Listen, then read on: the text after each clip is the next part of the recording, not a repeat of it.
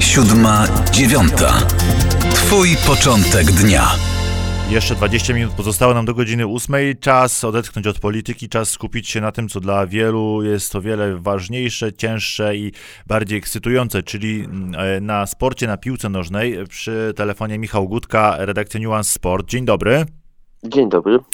Redaktorze, czy wczorajsze rozstrzygnięcia ostateczne przy okazji Ligi Mistrzów i tego, kto zagra w finale, jeszcze wywołują y, redaktora takie ciarki jak dawniej, kiedy po pierwsze te kluby się częściej zmieniały w tych półfinałach, a po drugie, gdy mm, kibice byli na stadionach i te mecze wyglądały inaczej, czy jednak poziom, y, emocje a, i to wszystko pozostało bez zmian, a kibice są tylko takim dodatkiem, który umila, ale da się bez nich obejść przy okazji Ligi Mistrzów?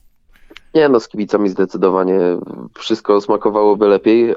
Wiadomo, że w tej Lidze Mistrzów poziom jest taki, że czasami mm, nie chcę zabrzmieć źle, ale potrafi wynagrodzić inne braki. Oczywiście tutaj w tym przypadku no mówimy o całej tej otoczce i atmosferze, która lepiej by e, opakowała wszystkie te, te spotkania, mm, ale zdecydowanie e, jeśli chodzi o sam poziom piłkarski, to te ciarki e, są. To Liga Mistrzów jednak nie zawodzi.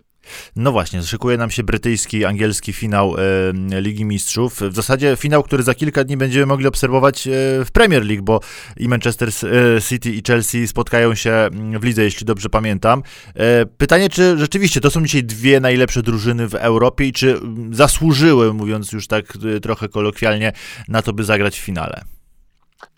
Tymi najlepszymi drużynami w Europie to jest różnie, bo w Lidze Mistrzów czasami e, no, dzieją się takie rzeczy i tak się potrafi ułożyć dwumecz, że, że tu niekoniecznie e, wychodzi na wierzch, kto, czy to rzeczywiście są dwie najlepsze drużyny w Europie. No, gdybyśmy mieli patrzeć na cały sezon, no myślę, że Manchester City akurat przez wielu był typowany do tego, żeby zagrać w finale i to już od kilku lat wciskano mu trochę rolę tego faworyta Ligi Mistrzów i nawet trenerzy innych klubów od jesieni, e, od późnej jesieni zaczęli powtarzać to znowu, że to Manchester City jest najlepszą drużyną w Europie. E, Manchester City przede wszystkim od kilku dobrych miesięcy utrzymuje bardzo, bardzo stabilny i wysoki poziom i to jest e, poziom już tak wysoki, że można zapomnieć, jak ta drużyna słabo wystartowała w rozgrywkach Premier League w pierwszych kilku miesiącach. Oni po E, dwóch i pół miesiącach byli na miejscu jedenastym i od tego czasu szli cały czas w górę. Skończyła im się taka e, zła seria i przeskoczyła na serię dwudziestu kilku zwycięstw z rzędu we wszystkich rozgrywkach, więc w pewnym momencie coś w tym zespole przeskoczyło. E, i to widzimy e, dzisiaj, e, że to funkcjonuje dalej w, no, w sposób znakomity. Przecież ten dwumecz tak naprawdę z PSG Aha. od momentu zakończenia pierwszej połowy pierwszego spotkania należał tylko do Manchesteru City, więc tutaj rzeczywiście chyba możemy z przebiegu tego sezonu mówić o tej drużynie faktycznie najlepszej w Europie, bo w Hiszpanii faworyci się potykają, jest ciekawy wyścig mistrzowski, no ale mm, to nie są już drużyny y, na mm, takim poziomie jak jeszcze w ostatnich latach. Bayern w tym sezonie mógł wyeliminować PSG, zabrakło w tym dwumeczu Roberta Lewandowskiego i pewnie skłaniałbym się, że to jest ta drużyna cały czas gdzieś, która wyznacza w Europie standardy, ale w Manchesterze, y, o Manchesterze City możemy też powoli zacząć tak mówić, bo ten sezon jest w wykonaniu tego zespołu wybitny. To dwa zdania o trenerach y, i o ich wpływie na to, co się dzieje. Młode, znaczy młode, no stosunkowo młode pokolenie e, trenerów święci dzisiaj triumfy i nie tylko dzisiaj. Pytanie jest, y, jak jest z dużym wpływem? Oczywiście to jest temat rzeka, na pewnie duży e, cykl wykładów i, i, i konwersatoriów na uczelniach, ale e, mówiło się o fenomenie Jurgena Kloppa. Klopp dzisiaj no, ma widać drużynę w kryzysie, musi ją trochę przebudowywać, musi szukać czegoś nowego. Mówi się o fenomenie Pepa Guardiola, no ale to jest też człowiek, który dawno, dawno Ligi Mistrzów e, nie zdobył. E, no i mówi się o fenomenie Tuchela, trenera e, Chelsea, który też ma pewien pomysł i układankę, ale też jest trenerem chyba tego pokolenia, które no, dobija się, a w zasadzie już przejęło chyba pałeczkę, jeśli chodzi o taką dominację na, na, na, na tym polu. No, bo Tuchela już musimy tak traktować, bo to jest drugi finał Ligi Mistrzów z rzędu. To już nie jest przypadek, to już nie jest też trener na dorobku, on wcześniej mm, odnosił sukcesy i w Paris Saint-Germain i w Borussii Dortmund, więc y, już Europa go zdążyła dobrze poznać, ale rzeczywiście ten, jego, e, ten efekt jego pracy w Chelsea jest y, piorunujący. To jest człowiek, który przejmował drużynę w bardzo trudnym momencie. Przypominam sobie takie e, zdanie Franka Lamparda, jego poprzednika zwolnionego w końcówce stycznia po ostatnim jego meczu e, przegranym z Leicester City. Frank Lampard powiedział, że musicie pamiętać, powiedział dziennikarzom, że to jest zespół młody, nie gotowy jeszcze do walki o trofea. Przychodzi Thomas Tuchel po trzech ponad miesiącach, ma ten zespół w pierwszej czwórce Ligi Angielskiej, czyli prawdopodobnie do tej Ligi Mistrzów za rok, niezależnie od wyniku finału, awansuje ma go w finale Ligi Mistrzów i ma go w finale Pucharu Anglii. Czyli optymalnie, optymalnie, optymistycznie mogą być e, dwa puchary, dwa trofea, czyli mm -hmm. jednak Frank Lampard e, prawdopodobnie się pomylił. Przyszedł Thomas Tuchel w e, szalonym momencie, bo tam w ogóle sytuacja wyglądała w ten sposób, że on lecąc mm, z Paryża do Londynu wymyślił ze swoim sztabem, jak ta Chelsea będzie grała, wymyślił ustawienie na pierwszy mecz, wylądował, poprowadził pierwszy trening, następnego dnia miał mecz, a po pierwszym meczu miał powitalną konferencję prasową, czyli no, definicja wejścia do roboty z marszu.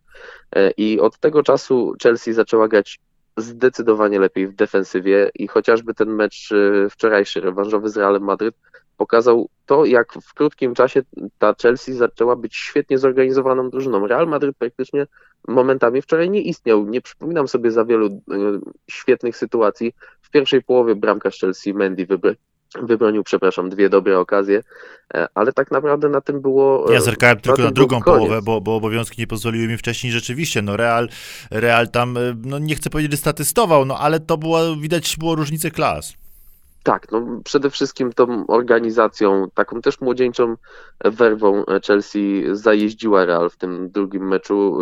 Widać po prostu było, i to jest też coś, co, co się rzuca w oczy od pierwszego dnia e, pracy Tomasa Tuchala, że ten zespół zaczął funkcjonować jak jeden organizm, bo dzisiaj dużo mm, będzie się mówiło o Niemcu. Na pewno fundament pod ten sukces mu ten e, Frank Lampard poprzednik położył, bo mm, to jest cały czas zespół zbudowany jeszcze mm, po, przez te ruchy poprzednika e, przez, e, na piłkarzach, którym on e, dał w dużej mierze szansę, ale przyszedł Tomasz Tuchel, powymieniał kilka rzeczy, zmienił ustawienie, znalazł odpowiedni sposób gry i tak naprawdę widzimy konkretne efekty od pierwszego spotkania. Poza jedną taką poważniejszą ligową wpadką, gdzie przyjechała przedostatnia drużyna w tabeli West Bromwich Albion i wygrała sensacyjnie na Stamford Bridge, to Chelsea w ogóle nie zalicza żadnych falowań. To jest zespół na dobrym, już stabilnym poziomie i taki zespół, którym kibice mogą się e, ekscytować, bo to jest e, drużyna w dużej mierze młoda. Jest kilku tutaj weteranów, którzy też mieli dużą rolę w tym rewanżowym meczu, jak Cezary Spilicueta, jak Thiago Silva,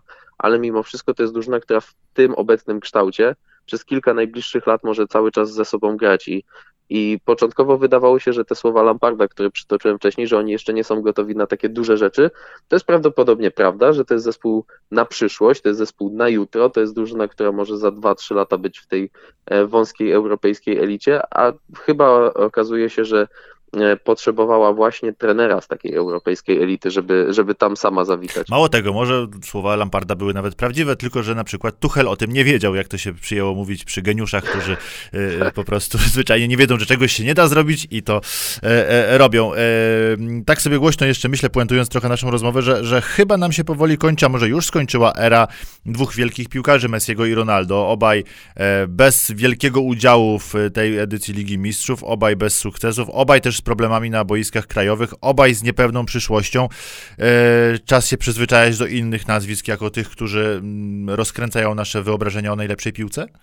No już chyba tak, już chyba tak, bo rzeczywiście nie było ich już w tych decydujących rozgrywkach, nie było e, ani Juventusu Cristiano Ronaldo, ani Barcelony Messiego i tak e, naprawdę trochę zobaczyliśmy, jak może wyglądać i jak już wygląda przyszłość. I ja właściwie mm, cieszę się, że może nie, dla, nie z tego, że ta era się kończy, ale cieszę się, że te nowe nazwiska się pojawiają, bo jeszcze kilka lat temu ludzie tak często powtarzali, że trzeba doceniać rywalizację tych dwóch gigantów, bo później będziemy za nią tęsknić, ale bez Królewie też może być fajne, chyba tak, taki jest morał i z tej Ligi Mistrzów, i z tej poprzedniej, bo bo wtedy mieliśmy e, też chociażby finał bez e, udziału jednego i drugiego i, i myślę, że niewiele osób e, takich postronnych poza kibicami e, stricte tych dwóch piłkarzy czy ich klubów e, nad tym rozpaczało, więc mm, Też może być widzimy, fajnie. myśl, tak, myślę, że też ta, pokazuje ta Liga Mistrzów, że trochę nam się piłka zmienia, że e, może Ronaldo i Messi będą filarami i, postaciami takiej mm, epoki, w której rządził ofensywny futbol. Teraz trochę piłka e, idzie w stronę mm, tego, co też pokazuje Manchester City i o czym mówiłem w kontekście Chelsea, takiej dobrej organizacji, dobrej gry zespołowej. Mm, Gdybyśmy popatrzyli na te dwie drużyny, które spotkają się w finale, to myślę, że wiele osób miałoby różne typy na to, na przykład kto jest największą gwiazdą tego zespołu. W jednej i drugiej nie ma takiego właśnie strzelca na 40 bramek w sezonie. Tutaj świetnie funkcjonuje kolektyw i to jest, są drużyny pełne takich bardzo niesamolubnych piłkarzy. To bardzo ciekawe, co redaktor wspomniał na końcu i mam nadzieję, że do tego kiedyś wrócimy sobie szerzej już e, na przykład po sezonie, by trochę przemyśleć, w którą stronę futbol idzie, bo faktycznie już takiego futbolu totalnego, takiej wymiany e, e, ciosów e, raczej nie ma, chociaż bywa i to też bywa piękne. Michał Gutka, po więcej odsyłamy do Nuance Sport, do Kanal Plus. E, Pozdrowienia, wszystkiego dobrego. Dziękuję, bardzo miłego dnia życzę. Siódma, dziewiąta. Twój początek